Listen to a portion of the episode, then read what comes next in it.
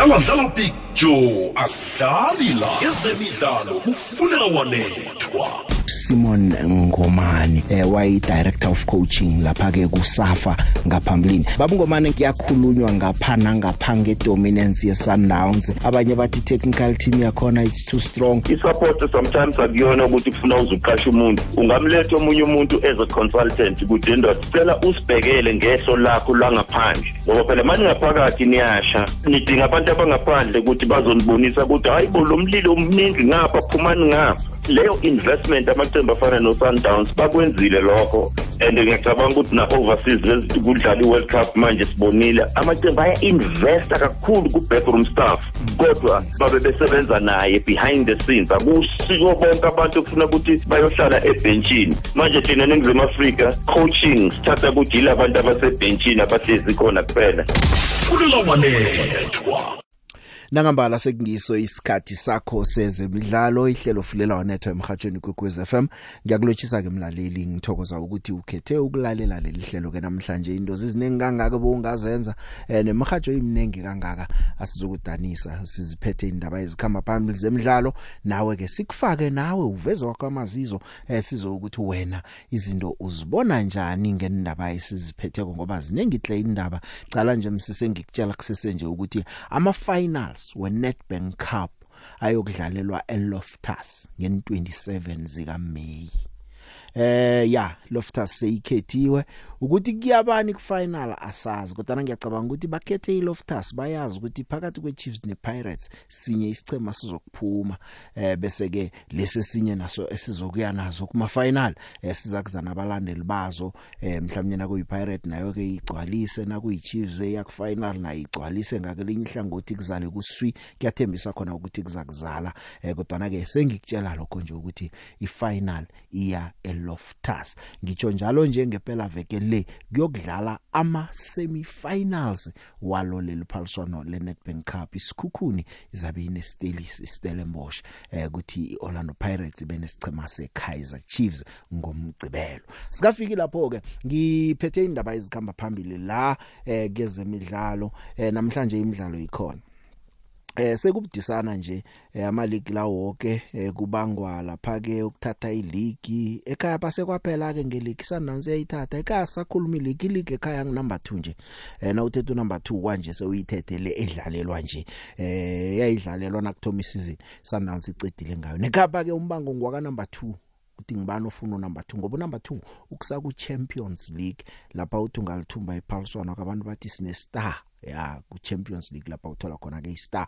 Bese ke siyazi ukuthi uthatha number 3 naye uya ku Confederation Cup lapha kudlala khona iMarumo Gallants nje. Marumo Gallants na isete high bar angazo yokungena ku Confederation Cup yena uzakwazi ukuyosibamba istandard esibekwe iMarumo Gallants ileli hlandla ngoba nasiya esiyibona seyijinge lapha ke kuma semifinals kanti ke nalapha iyodwa leyo iyokuya neyokuthumba iNedbank Cup. Engibeka kusakhanya kunje ukuthi nangabe isichema esithumba iNedbank Cup ngiso esithatha unumber 3 elogweni kusho ukuthi abalobe kuNedbank Cup kuma final baphekelela lesa isichema ngoba ngeze esayokudlala sijamele ukuthi sibe ngunumber 3 bese sidlalana ngokuthi sithumbe eh iNedbank Cup. Injalo ke indaba bese ngiyibeka nje ngiyidlulisa. Eh iSuperSport iyadlala namhlanje idlala neStellenbosch. iStellenbosch eh isichema esisefomini naso sisibonile nje ukuthi sithumbile imidlalo esibethe i Golden Arrows kabhlungu eh iphela veke esibuya kuyo le. Kanti ke iSuperSport eh, ichiwa iPirates ngamaphuzo amabili isebujameni besithathu. Nangingathumba siyokulala ihlezi lapha ke ku number 2 umbango omkhulu ke lapho. Kodwa indaba mlonyeni ukuthi iCrime Runners akazukudlala iCrime Runners umdlalo obetha amagondelo eh kwamanikelela lapha ku Stellenbosch ubuya ngisho bebamthengile laba beSuperSport bathi bangamthenga nakafika le indo zange zikhambe kuhloba umuntu angizinzi lapha ngikhumbula ekhaya mina. Kwatholithaka kajabule bathi buyela yamthenga goduke iStellenbosch.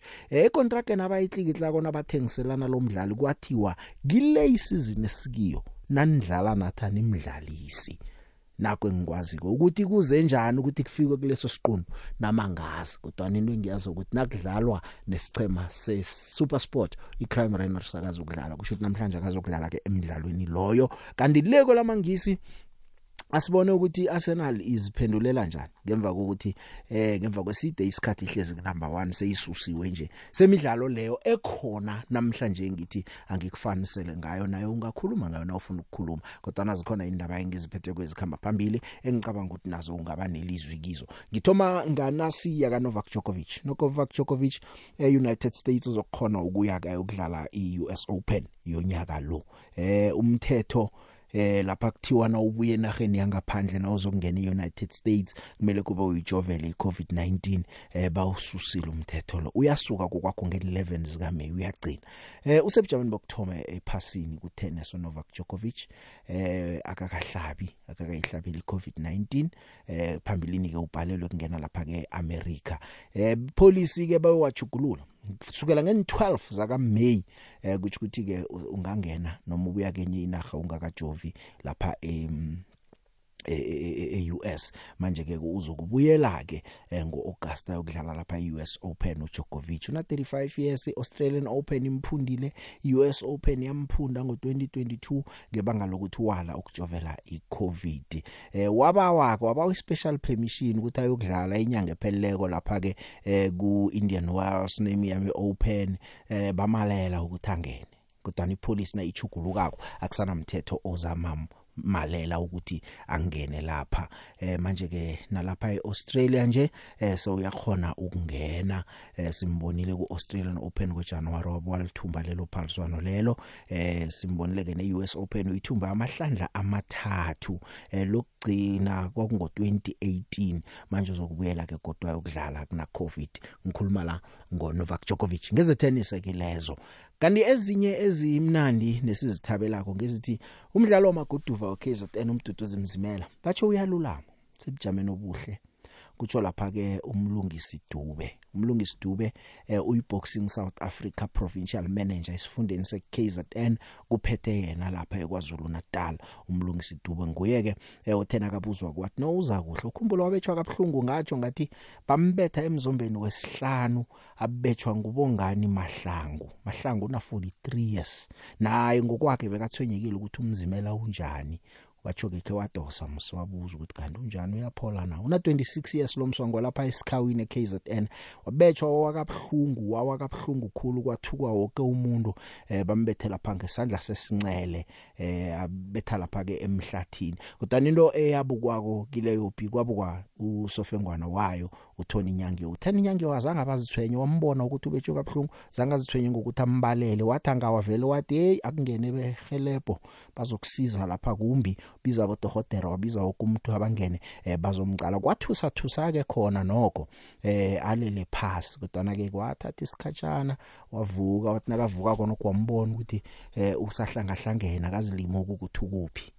Kodwa ke nje sithokozela ukuthi ulungile. Manje abantu abathanda amaguduva nabawakhulumako nabawatshejileko bathi umzimela man uhabile ukuyokulwela unongorwana iNational title. Bathi kube msinya kakhulu ngoba yena beka ku number 1 kuma contenders kuma rankings beka ku number 1 eh unyaka opheleleko ngoNovember uthumbe unongorwana weKZN manje ke bathi no noma ungaba ku number 1 kuma contenders akuthi ukuthi sewulungile ukuthi ungayokucalana eh nabantu abaphethe iNational title dependa ngokuthi iphethwe ngibani nelemuko lakhe lingangani unamandla kangangani. Bathi ngathana ke wajama jama ngeNational title wavikela unongorwana wakhe wesifundeni lo ukuthi akwazi ukuthola ilemuko. Eh manje ke bathi ngathana umngomezulu eh oyitrainer yakhe wama advice kodwa abanye babuye bathi mhm nawo advice abanye ababethi maguduva ngaleyo ndlela bayokujiya bokufuna enye trainer ababafuna abatrainer batsho ananda abakhandela. Umuntu sekabona imali phambi kwakhe sekabona nedumo lokuthi ngiyokuba i-national champion wena umtshela ukuthi akajama jama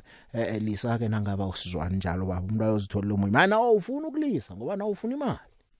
Manje ke ngikho ke kugcine nithola ukuthi sinsikhathi amanye ama advice abawathatha ama boxers noma aphiwe eh, ama trainer nawo sekukosa gijime naye. Ngoba number 1 ikhuwa nguye lo bethu amaguduva. Wena umtrainer ko awusili ikhuwa la kuholela wena yena. Manje nakathi mina ngiyaya wena ngeze wamhlalisa ukuthi angayi ngekani. Kodwa ke sithokoze ukuthi umswa uyalulama uyaphola izinto zokeke zikhamba kuhle. Eh namabhokobhoko mabhokobhoko amathikiti agijima bokudlala neAll Blacks New Zealand eTwickenham sekuthengwe 60000 yamathikiti umdlalo wokugcina lo yokudlala ngoAugust kulungiselelwa iphaliswano leBigiri yephasi nabaceda kiyo vele bokungena ephaliswaneni leBigiri yephasi. Manje ngathi ke vele kuyokuthi kufika leso sikhathi amathikiti abe sekaphelile. Amabhokobhoko ngiwe inkutane ezivikela unongorwana eh, lapha eFrance nonyaka nje bokulinga ukuthi bavikele unongorwana wabo. Amathikiti agijima khulu agijima khulu agijima khulu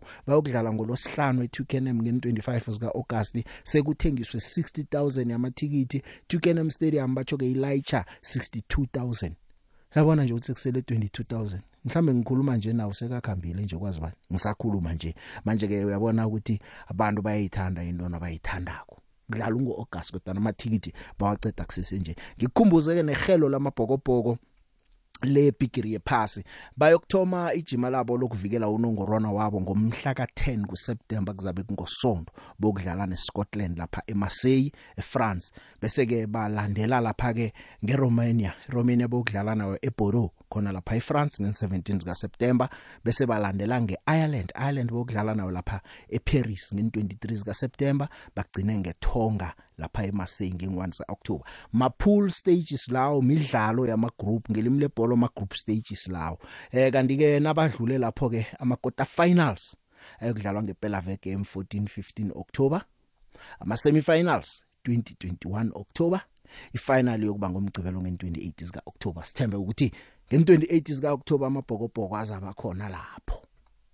Fulela wanethwa. uSteve Kompela naye ubuka urulana uthi genius eh ikulumo le ihlangana naleya engike ngakutshela yona izolo ngathi uthe batsho bangamroba bamphe unongorwana wakhe wecoach of the season eh urulana mgwe. Ningamrobhi you have no option but we have to oblige kuriva ngedenton epic abantu abafana no-stephen compela bayabalwa empilweni. Yabona ucompela the big yilo muntu lokuthi omunye umuntu nekaphumelele uyakhona umbethela izandla. And naye ekugcineni uzoba ngumuntu ophumelelayo cause uyakhona ukubethela abanye abantu izandla. Uyazi um ngiyayizwa inkulumo kasteve compela but khe sicale so i-pirates is the only team now ephethe icup. Kuzokwenzakalani if i-pirates can win i-netbank cup? Again i'm just throwing the cat amongst the pigeons. Dlala dlala big joe asidlali la. Ezemidlalo kufunela wanethwa. Emnyakeni wamachumi amane wekwekwezi fm sisakulethela zemidlalo zisatshisa ngehlelo lezemidlalo. Kufunela wanethwa. Dlala dlala big joe asidlali la ezemidlalo kufunela wanethwa. Nanguphumlani mahlangu ngapha nge-almas briefs the big ngiyayizwa ndaba karulani. Awasibathokozise khulu kwamambala. Ngimlandeli orlando pirates sundowns sicinile the big umona awufuniki sundowns idlala ibholo. Angitsho ukuthi orlando pirates ayidlala angitsho ukuthi i-kaizer chiefs nezinye iy'chelo kodwana nongatsheja i-orlando pirates ne-kaizer chiefs kinga ilapha ayisiba abanduleni kuma-technical lapha phezulu lapha. Aboscream aba banekinga kinga kinga kinga. Sinoma kumanjaya iligi ekhaya isazokuthumba imamleli sundowns nalapha ubobi lapha ku-chiefs abazongananjaya ba-arrogant ngendlela bangakho ngayo funa ukutshela amanga ngoba uthatha umsayini omncane uthi amfaka lezenza iphutha yaliyo. Uphi undawo? Ubethe on goal undaba kenya akekho okhuluma ngonda mara unda besimbuka unda mncane the big. Besimbuka simthanda sema-orlando pirates supporters. Mara uphi unda nje? Uthe nya ngondaba fulela wanethwa ya imizuzu nje sikhambe ngemachuma amabili nemizuzu emithathu ngemva kwehour lesihlanu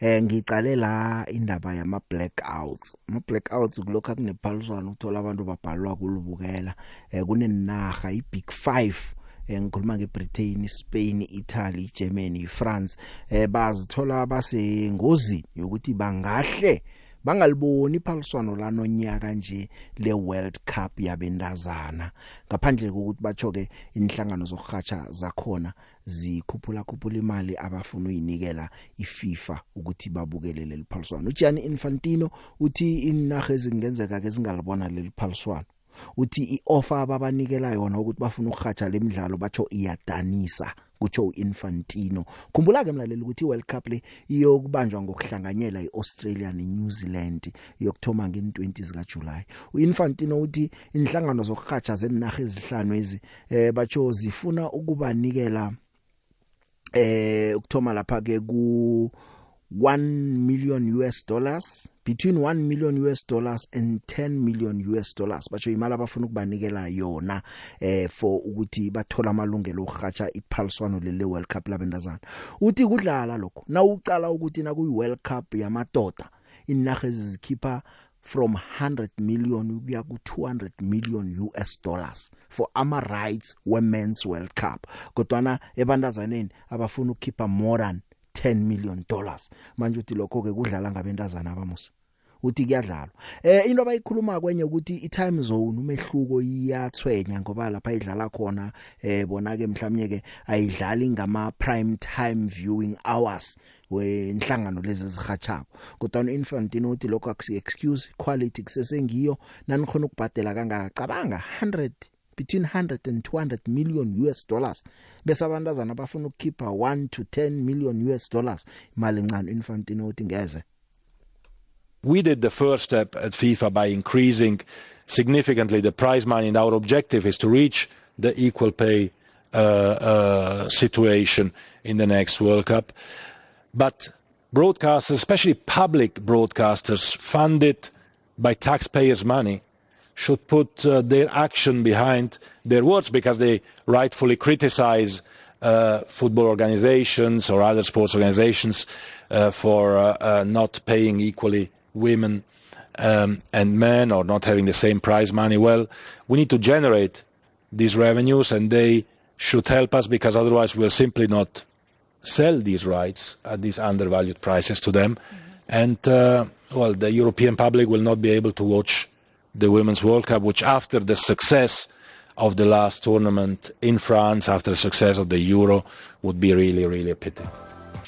Now, for the Women's World Cup, they make us offers of 10 to 100 times less than uh, for the men's World Cup.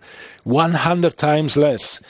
Now, when you look at the viewing figures of the women's World Cup, you compare it with the men's World Cup, it is not 100 times less. It is maybe, the, the women's World Cup is maybe 50 to 60 percent of the men's World Cup. In Germany, the most watched game, football game last year was the women's Euro final, not the men's World Cup uh, matches of, of Germany, the women's World Cup, World Cup final. So I don't understand why German broadcasters offer us 30, 40 times less than uh, for uh, the men's World Cup. The same for the British, the same for the Italians.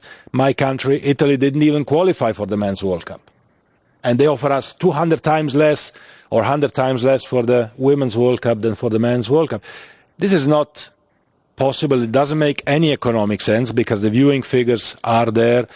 Maybe it's not because it is in Australia and it's not played on prime time in uh, uh, Europe, but still it is played as of 9, 10 a.m. So it is quite uh, a, a reasonable time. So I think there is still some uh, way there to do something. nguJianni Infantino uthi eh abenza intwanyana ethize ukwenzela ukuthi imidlalo bazokwazi ukuyithola bakwazi ukukhipha imali encane kangaka kanti kayapha ke ngaphambi kokuya lapha umeni lendaba iBlack Leopards bengisakhuluma ngayo irelegatiwe ngathi seyicedile ke nango Wentagama nje kusele imidlalo emibili lapha ku Mutsipe Foundation Championship.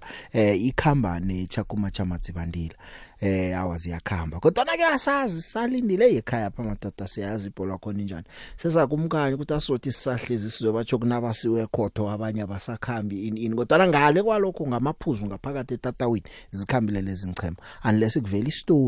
Ngoba ekhaya siyazazi into ezinjengalezo eh lapha ku National First Division nabo ABC Mutsipe League izinto ezikhamba zivela vela kodwa kwanje Black Leopards neChakuma zikhambile. Manje ke uDagama ke awatsho naye sekavalelisile sukile lapha. uDagama ukhumbula ukuthi wafika eh athatha enyathelweni zika Rodwell Dlakama ngoFebruary uDlakama ngwalapha eZimbabwe. Eh uDagama ubabandu le 11 yemidlalo uthumbe emibili wa draw 83 waloba 6 yonke eh ungathi ufike sekukhambile vele sewumonakalo so umkhulu so umkhulu kubhlungu ngeBlack Leopards icede 25 years idlala kuma professional leagues ekhaya pha. Namhlanje iya kuma amateur yakuma amateur iyakhamba. Manje ke ke eh, indaba ezinye ke ukuthi nokho ke kuyokuthatha lapha uMorgan Shibambu aragaraga cedelele isizini le. Utakama iswe yedwa ke nokho ukukhamba. Mhlapa nje ceda ukukhamba lapha ke umbandula bosomapalo ngwalapha eZambia ngikhuluma ngoSamuel Banda. Ukhambe nakuphela uApril ke yena bese kabona isikepe esiminzile ke vele. Eh naye ucede 5 years esichemeni kodwa nasekavalelisile eh uVictor Chabalala yena ufike lapha noOwen Takama eh bathe khamba nomloze naye wena ungangodaka igama ngeze Black Leopards lezo kangazi ke ukuthi ku ABC Municipal League yokusebenza njani lapho. Eh sele ngemidlalo emibili abayidlala lapha eThoyando Stadium bokudlala neAll Stars babuye badlale neVenda Football Academy. Lapha singazi khona ukuthi izinto zizabakhambela kanjani ngiyaye umeni lendaba ngiyabuya. Eminyakeni wamachumi amane wekwekwezi FM sisakulethela zemidlalo zisatshisa ngehlelo lezemidlalo. Fulela wanethwa emnyakeni wamachumi amane wekwekwezi fm sisakulethela zemidlalo zisatshisa ngehlelo lezemidlalo. Fulela kwanethwa i-awa lezemidlalo ukwekwezi fm nobig joe. Isimbi yesihlalo itsho ukuthoma kwe-iri lezemidlalo ukwekwezi fm nobig joe. Kukhanya ba. Hey kunjani lapho big joe? Ubraspola la ibhetali ya picture angisuye umlandeli weChiefs kodwa yabona kona nase siyibuka mina mangiyibuka ngelami lihlo. Watazwana ngeke samblame ngalendlela esimblame ngayo? Eh nangendlela abalandeli beChiefs bamgqeka ngayo hayi even nama player lapha picture no no no banomthelelo omkhulu. Yibo kahle kahle bahambisa igame laba labadlali beChiefs.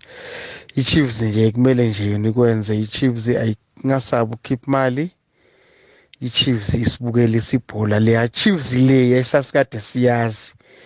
Hayi yona mfethu angifuni uqamba mange sazophinda ithathe another 10 years ukuze ibuye ihlangane. Bazoleke kubashintsha abo coach bawashintsha abo coach ayikho lento iChiefs ayithenga ama player picture ne-sharp picture hola. The big ngikulotshise nokurinaha nangohatasi ngelmaster fc ya no the big yatsho ukuthi abefazi kusazobathatha isikhathi ukuthi bangahola ukulingana namadoda eh ebholeni erarhwako but uh, honestly the big i mean put politics aside uh, ififa nayo ngiyafuna imali echudele echudela close to 100 million for ibholo yabafazi. Na ngitsho singayise while bayobukela ngiyacanga ukuthi njengoba tsho ejebeni bayobukela mara the excitement is not exciting njengokubukela ibhola amadoda you know. Ukubabukela khona siyabukela just phela ukuthi sibanikeze support but uh, financial wise the big i don't really think mina ukuthi sebakulelo zinga ukuthi bangafuna umechane yamadoda abayihlalele phasi abo infantino mhlambe-ke abafuni at least 20, um, 20 million uh, us dollars at least. Nangimzwa kuhle uHadas lo ngathi uthi kuhle kuhle sesiyababukela sibenzela ifavor. Akunanto enikarako utsho njalo uHadas eh angazi kulilelwa ukuthi akulingane bayadlala equal pay. Yabona mina indaba yokulingana le anginamraro nokho nayo angilwini kodwa navane ngithi ke sinye isikhathi kuqalwe ne sponsorship ukuthi eh ama sponsor imali bayifaka kukuphi lapha ekungena imali eningi.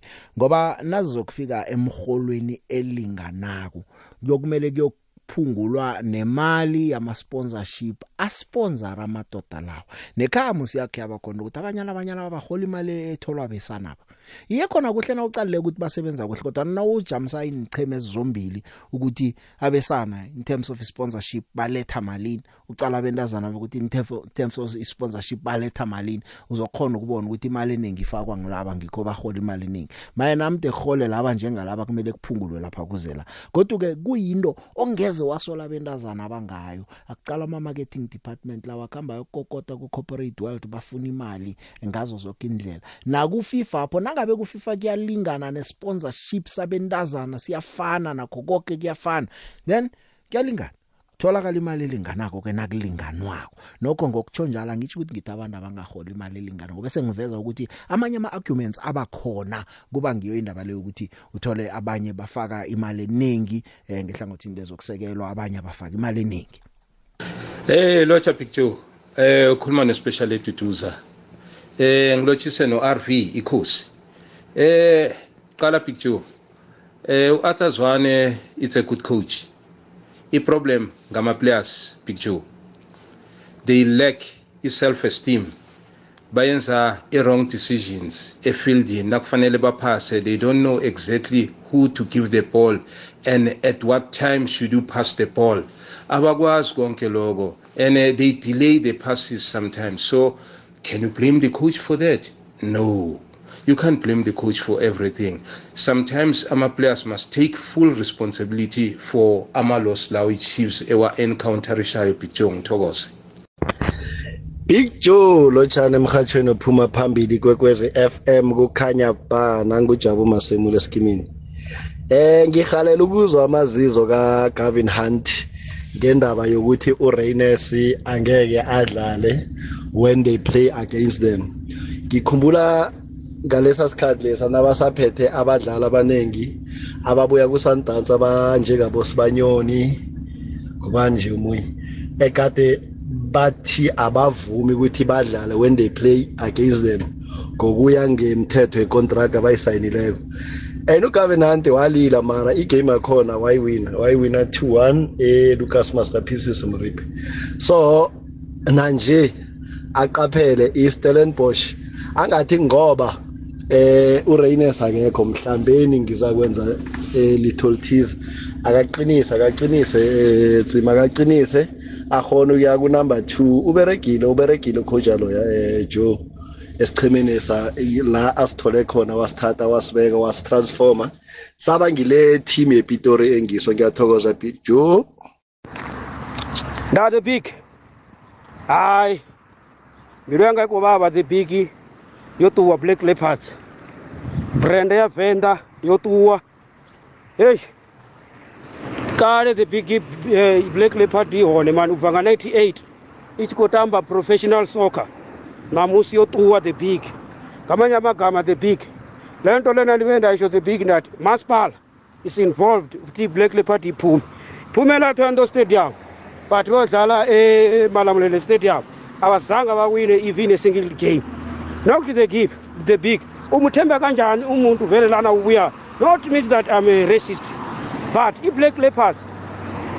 Ayinabo vele abadlali lena vele babuya la ebembe straight usayikhumbule le black leopards yabo rach badelo um bompodagada bojoel masutha boramuzuli ikho yakhona ibe yi-seven mara le black leopard yamanje la heyi uthola two or three wabadlali bala. La bantu abayifeli iclub amavele ingwabi vele yakubo.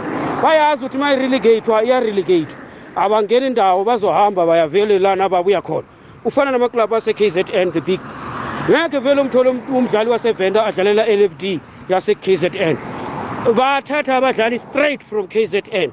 Manje black leopard the big hey izoyenza ukuthi thina vele silale vele singadlanga. Ubakha ronald mukhada venda ndajo Eh mukhada nokulala ningakadli vele. Iprofessional football eh iphunyukhile iBlack Leopards. Ya sazi Black Leopards yake yaqina madoda bomlondo chigwebilo ngazo samkhumbula umlondo chigwebilo abo Rachivadelo eh ngikhuluma eh ya kwakukumbi. Baningi nje abadlali ongababala boJoel Masutha laba kusese iBlack Leopards. Nawe mhlawumnye khona abanye ozabakhumbula ngelanga sakhe sicoce ngayo ukuthi yongiyakhe yasilethela abadlali abavuthweko nabathecha iBlack Leopards. Ngisesikho lapha kuMtsipe Foundation Championship. Isicema seCastric Stars kazi sidlala umdlalo waso wokugcina ekhaya iphela vekile ngokugcina kuphi? Ekhaya. Badlala eSolomon Mahlangu ngosonto badlala neVenda Football Academy. Ngikhuluma nawe nje iCasrick eseBgermany bokthoma ina 54 points iCape Town Spurs eseBgermany besibili nga 53 points eBgermany besithathu iPulukwane City nga 51 points. Zontathu ingchemezi esinye nesinye singapromoter manje ke laba beCasrick bathi izani ngobunengi benu abakunamuntu ozokubuza itikiti ningena simahla akubhadelwa nizokusekela isichema njengoba sizabe sidlala umdlalo wokugcina ekhaya. Ngaphambi kokuthenga ngisa nanze zinye indaba lapha ke ku under 17 nations cup iSudan bayicothile iSudan. Eh abadlali bakhona lapha eAlgeria kutholakele ukuthi 5 yabo eh ba over age bafaile lapha iMRI scan magnetic resonance imaging ibizwa njalo MRI eh itest le yake ngeke kuveza ukuthi manje ngathi ithambo lakho lina 40 wena noma ungaphatha certificate esithi wena una 21 ithambo lakhweli nabalifaka emchinini licho ukuthi umntadlana ke wena. Manje careful ke ibacothileke eh ikhwiphile vele iSouth Sudan. Phambilini eh bekuthiwe vele natholakala nomdlalo yedwa nicotshwa nonke kodwa bayichugulula bathi eh manje ke u disqualify yona ngabe una more than 4 yabadlali. More than 4 kusho nje zathi 5 etimini abafela i MRI scan test le eh, wafeyila iscan esibancosha so nje lapha ku Afcon under 17 eAlgeria bacotshe iSouth Sudan. Beku group C neCameroon iBurkina Faso neMali. Bayicothile ke nje. Liphaliswana licakathekileko ngoba top 4 yengichema ziyokudlala ku World Cup ye under 17 imzuzu ilithumi nemzuzu ebunane. Eh uEric Tinkla naye uyalila. Isafa iyabahlaba ithabo sofengwana bakhambo ukuthola impepha bakwazi ukulunga eh uSteenbok uthi kuzokuba neblueprint ethi ukuthi abantu bahlale njani ebankeni na ungana amaphepha nje ungahlali. Wathi nakakhuluma kwatsubhula lapha umusa nyatama eh novusumuzi vilakazi nomabhudi khanyeza laba ababili ke ngibe golden arrows. Tinkla uyala uthi no no no no no anisenzele ama coaching courses lapha sikwazi ukuthola ama license uveza nokuthi kuchipa chipile ukwenza eh ilicense yakho eSouth Africa kunokuthi umuntu ahlakhamba yangaphetsheya bathi ukufuna impepha zokubandula. Eh bacho ke isichema se Cape Town City sayibawa nesafa ukuthi sisizana uthi ngikla kwazi ukuthola ilicense eh ngaphambi kokuthi ke emidlalweni yekhefle uyakhumula bayangakhona ukudlala. Kodwa nabathe kumnyaka solona nje basalindile kuna coaching course eorganizwa yisafa ukuthi abantu bathola impepha zokubandula. Eh uthi ngikla ngomunye kwaba abantu lababhalwa kuhlala ebankeni nakudlalwa imidlalo yeCAF ke sizwe ngaye ngoba yena usola yona safa le I'm glad that you've said this. It's simple now to sit and blame the coaches when in reality you're not empowering the coaches and you haven't empowered the coaches in years. I get calls practically weekly from young coaches who want qualifications and are asking me how. How and where do they go to get their qualifications? And I say to them, well, you've got to ask Safa that question, not me. I, I'm a coach like you, you know. I'm a coach like you. What I do know is, last time we hosted a, a cafe license was 2017. So, so who's to blame now? So who's to blame? So we're blaming the coaches still. Come on. I can guarantee you, Mabuti, because I, I worked with Mabuti for a short period at, at Maritzburg. And you was, I want to do the courses, I want to do the courses, but I, I can't do the courses. And then now, why are coaches going to Europe? Because there are no courses. They were going over, over to Europe because there are no courses here. Now you're saying the courses over in Europe are not valid. I can promise you, everybody would love to be doing the courses here because it's going to be a hell of a lot cheaper. My assistant coach just comes back now. I think in total now, over the last two trips, he spent over 200,000 Rand. These things don't come cheap. They're expensive, these courses. You know? So ideal scenario would be able to have the courses here in South Africa. Fantastic. We'd all subscribe, all of us. Yes, you, you raised the issue around me. Believe it or not, we put it forward. We said we want to do it. Yeah, they said, yeah, no, we're going to be doing an A license. We're going to get it done. We're going to, oh, guess what? A year's gone by, nothing is done. Excuses. But then we want to use the coaches as the scapegoat. Come on. Fulela wanethwa Eh uma Mila uthi noma ke imidlalo emihlanu bangakathumbi nje batsho irecord lakhe lingcono khulu kunamanye ama coach akhona eSouth Africa anama UEFA Pro license. I'm not concerned, man. Uh, you guys, you, you must uh, do the stats. There are guys with pro license here. They've been here for how many months? Go and check their wins. They're not even close to me. Go and check. All pro license guys that are behind me. So uh, be honest to yourself, not to me, to yourself. Eh manje ke bekukhulunywa ukuthi hey madoda lo muntu uphethe nje ientry level kuphela isafa D license ucoach ngayo. Eh manje ke uthi angingcono kunabantu abaphethe ama pro licenses wenu lawo. Is there any pro license from number one to number nine? I don't think there's any. I know this thing. I've fired coaches when the, the results are not coming. Ngu Morgan Mamila azikhulumela ke eh lo mswa. dlala dlala big joe asidlali la ezemidlalo kufulela wanethwa Ungakhohlwa ke mlaleli half past 7 SuperSport United idlala nesicema seStellenbosch eh bana 8 days bangadlali ke batsho bona. Amatsatsansa agcina bethu amazulu ngo2-1 nge23 zika April bagijimisa ukuyokudlala ku CAF nabo. Orlando Pirates ithe ingathumba ngempela veke yabasusa ebujameni bokthoma igap i2 points. Eh manje ke ube nesikhathi esidlule evekeni ke eh, uKevin Hunt uthi alungiselele iStellenbosch. Uthi hayi ngatsho nanithi bengiphumule kodwa lokhu kubulala imomentum. Eh banokuzithemba ukukhula beso beStellenbosch baceda ukubethi Arrows ngo5-2 basiya emidlalweni lo. Kanti ke bathumba imidlalo wesibili ngokulandelana. Eh ngemva kokuthi bakhe balobe emibili babethwa iChiefs babuya babethwa iRoyal AM babuya ke nje bayathumba. iCramer Rhinos akazi ukudlala emidlalweni loyo. Kanti ke ake ngithi kancane nje ngiphosele ama voice notes. Ke lamangisi Arsenal neChelsea angazi ukuthi iChelsea eh izokuvuka ngeArsenal namtjana iArsenal namhlanje ibuyela ku number 1 na Echadepik Echadepik Henry Nomatumana ngilotshise Echadepik ngilotshise noAri newasedladleni save Eh the big ngene endabeni le ngizwa kwe bayikhuluma kwa abalaleli sicema seKaizer Chiefs. Le big atazwane ngokuya ngami atazwana akasicoach angeke avuka icoach. Atazwane lo ngeze Chiefs inaye. Akunakhapha azoyithathela iChiefs. Uyolithatha kuphi na nini bazabadlala nasiphi isichema akusiyi-material amakhapha atazwane the big. U-right naka-assistant coach. Bese ngiyabuya ngize endabeni yafantino. Fantino uyamuzwa nje ukuthi sekasebenza nomuntu odifferent nomtsiphe uyezwa nje ukuthi sekuningi akumunyile kumtsiphe sekanelwazi lento eziningi. Angimangali danki the big henry namadumane. Hayi picture ayi yazi chiefs izolo isiphocile siphocile kakhulu.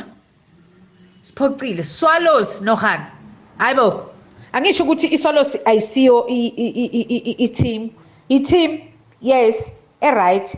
But nje ukuthi bona bangagijinyiswa iswallows ngalolu hlobo. Hayi big joe. And lapha yana abobhobi bangakayeki ukuthi bona ithimi yakubo lena babe selfish ngalendlela indaba ye-chiefs uyayibona ukuthi ilapha phezulu. Yes abayeke bayeke abocoach bazenzele ematatawini abayeke abacoach bazenzele etatawini ngiyabonga big Babu Joe emhashweni omkhulu inkwekwezi ngiyanibingelela bafowethu nomvezi wakho ha bese ngithi lapha ku Kaizer Chiefs abanzeli be-Kaizer Chiefs ake bengitshele ukhosha oyedwa wala eSouth Africa noma mhlambe i-founder ye-team i-Kaizer Chiefs wawanikeza i-Kaizer Chiefs wawina something. Bazongiphendula abaziyo yeah i-Kaizer Chiefs inkulu kakhulu. Kuno Atazwana uAtazwana ngeke awine nix eh nale midlalo esele Cape Town City ne SuperSport ngeke ayiwina. Even nalo we-cup njoba usunencindezi kwamina kwakumina ngila ngeke aza uwina abantu bengajabulisa ukuthi uzwa kufanele ngeke afike kufanele lo muntu akayi. Ngiyezwa abantu bekhala ukuthi abadlali. Yes khona la kubona shoda khona kakhulukazi eswini kasakha la suka suka kwasekuqaleni ngibuza mina ukuthi uzwami usho kanjani ukuthi use right ekusayineni? Kodwa eswini ebenje awuzange basayine emdlali kwahlala kunje. Yonke lento uyena umuntu okuvumelayo. Ukube uwukhoshi ohlakaniphile. Kwakufanele ukuthi yena alwe ne-management ukuthi ufuna umdlali sazi ngeke kusoleke yena kuzosolwa. I-management kodwa uyena wathulayo eh njengamanje abadlali abasayinwayo basayinwa uyazi uyabazi uye futhi obafunayo. iKaizer Chiefs ngeke iye ndawo ngozwane.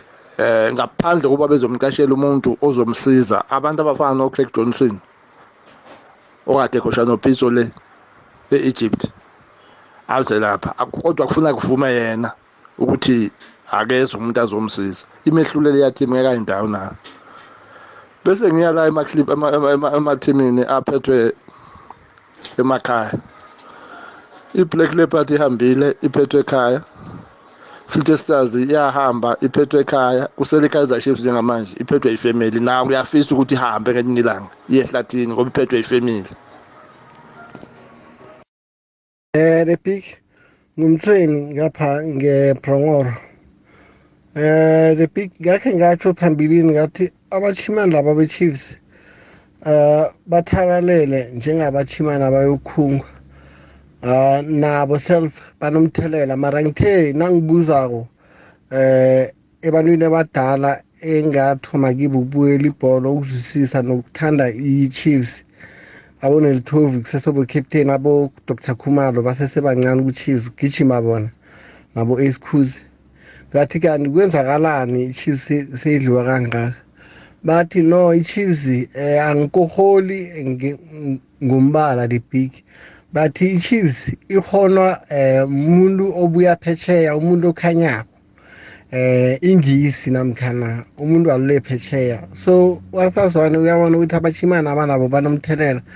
Abambusele lapha ku-development bafune umuntu loyo ebamaziko ukuthi uchiefs uzayihona ayibusele le nje phela kubuhlungu. Ne-netbank leyo sokudliwa libig umthweni ngepromo ah umthweni batsho bamtshela ukuthi i-chiefs ikhonwa likhuwa batsho bamtshele njalo bathi abakhambi okufuna ikhuwa.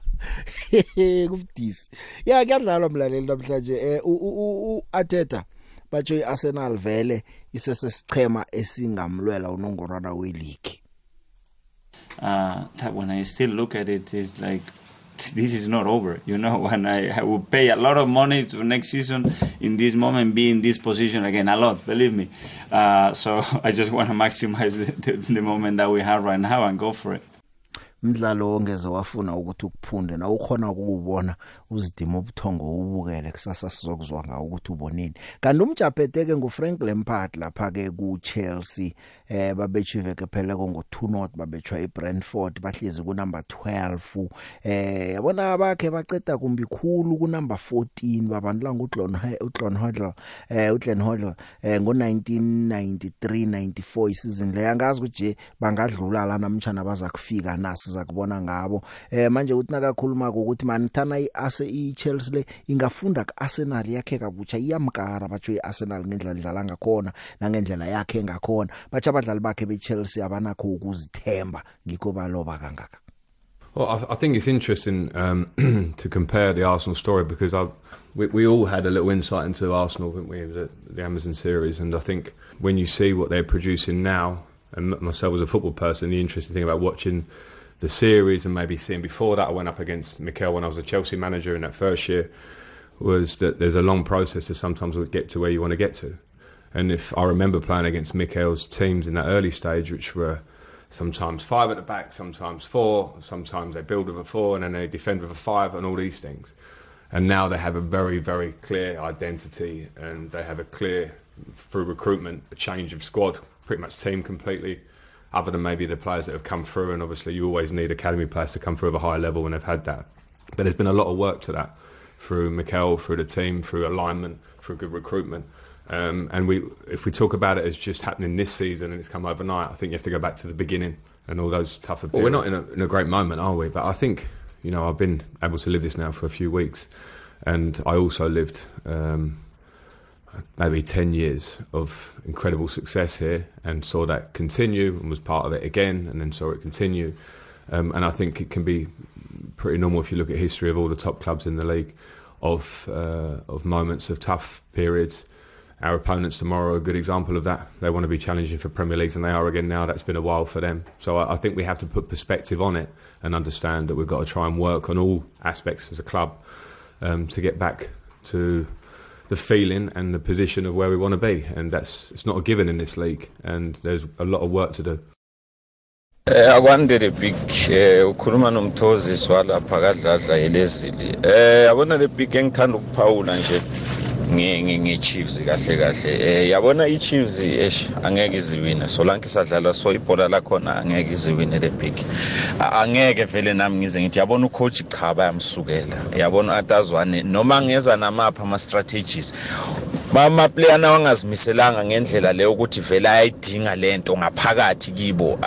Angiwuboni umzamo mina kibo le big. Ngibona sengathi nje sebadlalelwa nje ukuthi hayi nethi nje khe sihole yabona inyanga nayiphelayo sikhona ukuthola imali yethu yabona into ezinjengalezo.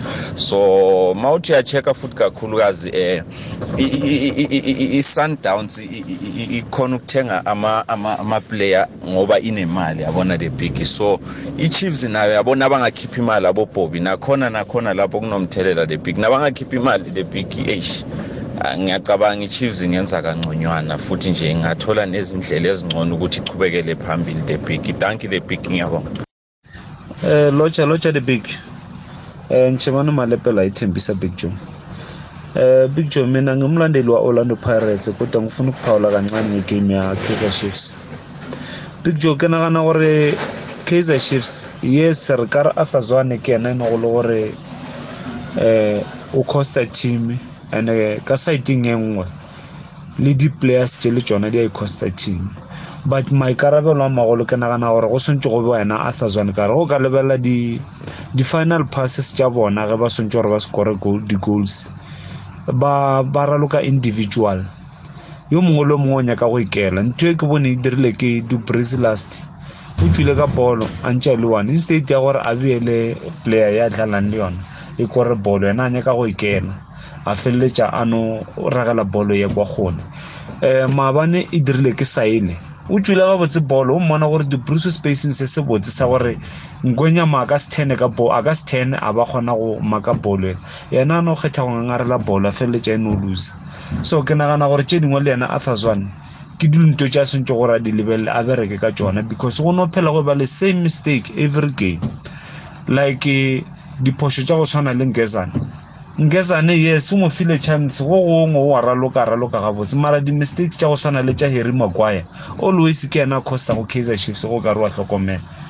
Game e ba lositseng ya last e costile ke yena nkesane this game e fedileng maabane e costile ke yena nkesane le yena o swantse gore ba mo khutšiše go tshwana le harry maguire maybe se sengwe se ka direga se se kaone tanko ya mibono eh yemlaleli yabona enye into engiyitshetshako eh uyafuna ufuna kusho ukuthi isicema seKaizer Chiefs ngezwe wasi ignore noma sidlala kumbi noma sidlala njani. Ngitshetshe nje ukuthi balandeli ngebe Sundowns bayangena bayakhuluma ngeChiefs ngebe Pirates bayangena bayakhuluma ngeChiefs. Zihlezi dliwe ezinye ingchema akwaza labantu bangena bakhuluma ngabo TS Galaxy ukuthi badliwe bakhuluma ngabo SuperSport ukuthi badliwe bakhuluma ngabo Golden Arrows ukuthi sebadliwe kangaka. Sihlala sibala ingchema zidliwa 6 games ilandelana. Akukhulunywa ngazo ngale sengifuna nje ukuletha lento ukuthi Eh. ngesikhathi uthi na ukhuluma ukuthi kunengichema ezikulu Eh. Ungatsho ukuthi ngoba ziyawina or ngoba zi- usibatshele nje abantu kunesiceme esikhulu bathi akula siceme esikhulu Kunesicema siwineni esikhulu siwineni. lapha. kodwa namhlanje Chiefs nasi wonke umuntu ukhuluma ngayo kulo. Nanyana itlikihle umdlali Kaizer Chiefs Mm. kukhulunywa ngayo.